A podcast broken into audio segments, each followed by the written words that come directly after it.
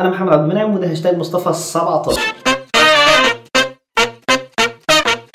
هاي السلام عليكم ازيكم؟ عاملين؟ تمام الحمد لله رب دايما تعرفوا ناس مش عارفين إيه؟ اللي كنتوا من 17 هتفرجتوا على الحلقات اللي فاتت يبقى الحمد لله تعرفوا أنتم الحلقات دي كويس جدا. لكن أنتوا وجودوا دي ربنا يستر طبعا مش هينفع نبدا الحلقة غير مش كل 17 واحد شارك بهاشتاج مصطفى 17 الحلقة اللي فاتت. حنا معك في شر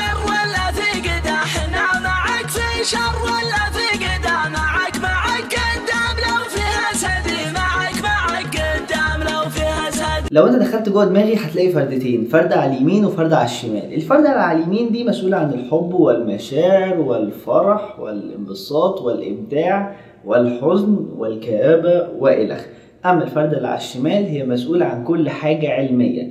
رياضيات فيزياء لغة كيمياء أحياء إلخ وأنت ماشي. الفردة اللي على الشمال بتتحكم بكل أعضائي اللي على اليمين. ودني اليمين عين اليمين رجلي اليمين ايدي اليمين. وكمان البق. آه هو البق واحد ولكن هو بيخرج منه أغلب الحاجات العلمية زي اللغة. بتتكلم. فبتبقى محتاج لغة من الشمال. وكمان التذوق انت لازم تبقى عارف انت بتاكل إيه. هل اللي انت بتاكله ده حامض مملح مسكر ملزق مهرول والخ يعني. أما بقى الفردة اللي على اليمين فهي مسؤولة عن أعضاء اللي على الشمال زي عين الشمال ودن الشمال إيد الشمال رجل الشمال.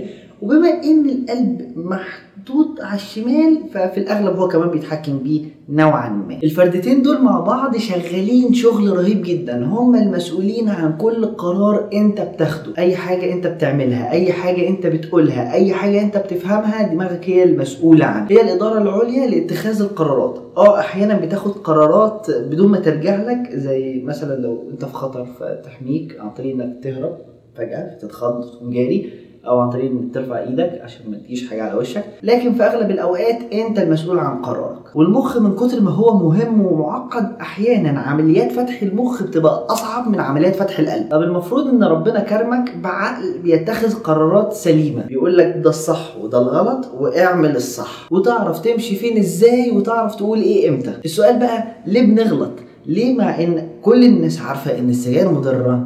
بس في ناس بتشرب سجاير. ولسه في ناس هتشرب سجاير. وهم كمان عارفين إن الشخص اللي بيشرب سجاير بقى ندمان على إنه بيشرب سجاير. لا والشخص اللي بيشرب سجاير أحيانا بيكون شايف إن الشخص اللي ما بيشربش سجاير هو أحسن منه. طب بتشربها ليه؟ أو هتشربها ليه؟ ليه هتغلط؟ وإنت عارف إن ده غلط. ليه بتغلط؟ وبعد لما تغلط بتندم على غلطك. وإنت وقت ما كنت بتغلط كنت عارف إنك هتندم على الغلط ده. والسجاير تعتبر مثال. في حاجات كتيرة جدا الشخص بيعملها غلط وهو عارف إن هي غلط. وبيندم على الغلط ده مع إنه عارف من الأول إن هي غلط. طب سؤال تاني ليه بيكون في حيرة في اتخاذ القرار ما بين القلب والعقل؟ ليه البنت ممكن تكون حابة تتجوز واحد في اختلاف كبير جدا ما بين الطبقة الاجتماعية والحالة المالية والدرجة العلمية. وحجتها إن هي حبته مع إن عقلها بيقول لها خدي الشخص التاني اللي من نفس حالتك الاجتماعية والمادية والعلمية. هو القلب ممكن يضغط على العقل ويخليه يغير رأيه ومن إمتى أساسا القلب كان مركز اتخاذ قرار؟ المفروض إن كل أفكارنا واعتقاداتنا ورأينا بيخرج من عقلنا. إنت شربت السجاير لأن جزء الاستمتاع عندك قالك لما هتشربها هتستمتع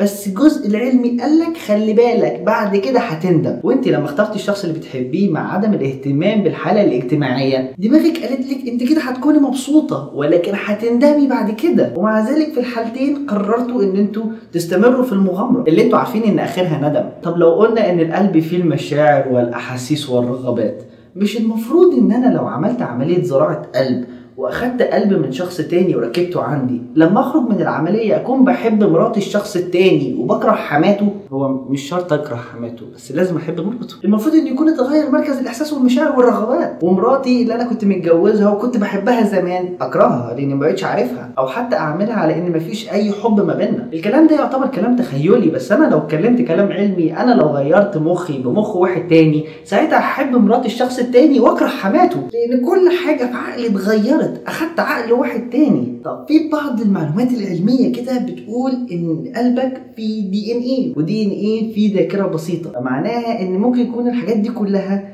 بسبب ال DNA اللي موجود في قلبك. الفكرة دي غريبة شوية لأن لو اعتمدت على الذاكرة اللي موجودة في ال DNA اللي موجودة في القلب فأنا لازم أعتمد على الذاكرة اللي موجودة في ال DNA اللي في جسمي كله حتى في طرف الرجل الصغير. يعني أنا لما بقص ضوافري يبقى أنا كده بشيل جزء من ذاكرتي. في الآخر أحب أقول لك إن عقلك هو مركز اتخاذ القرار كل فكرة في دماغك وكل قرار أنت بتعمله بيخرج من عقلك حتى لو كان غلط. بس وأنت بتعمل غلط مش لازم تهتم ببدايته اهتم بنهايته علشان ما تندمش. وكده نكون وصلنا لنهاية الحلقة. فهي 17 واحد ادخلوا على هاشتاج مصطفى 17 اكتبوا رأيكم في الحلقة. دي وكالعاده مش هعمل حلقة جديدة غير لما اعمل هاشتاج 17 تغريدة. أنتوا اللي تخلوني اكمل ونشوف الحلقة دي على فيسبوك تويتر وانستجرام الواتساب مهم. يا جماعة مش الحلقة عن طريق الواتساب والله يعني فكرة مهمة جدا. وكان معاكم محمد عبد المنعم في هاشتاج مصطفى 17 سلام.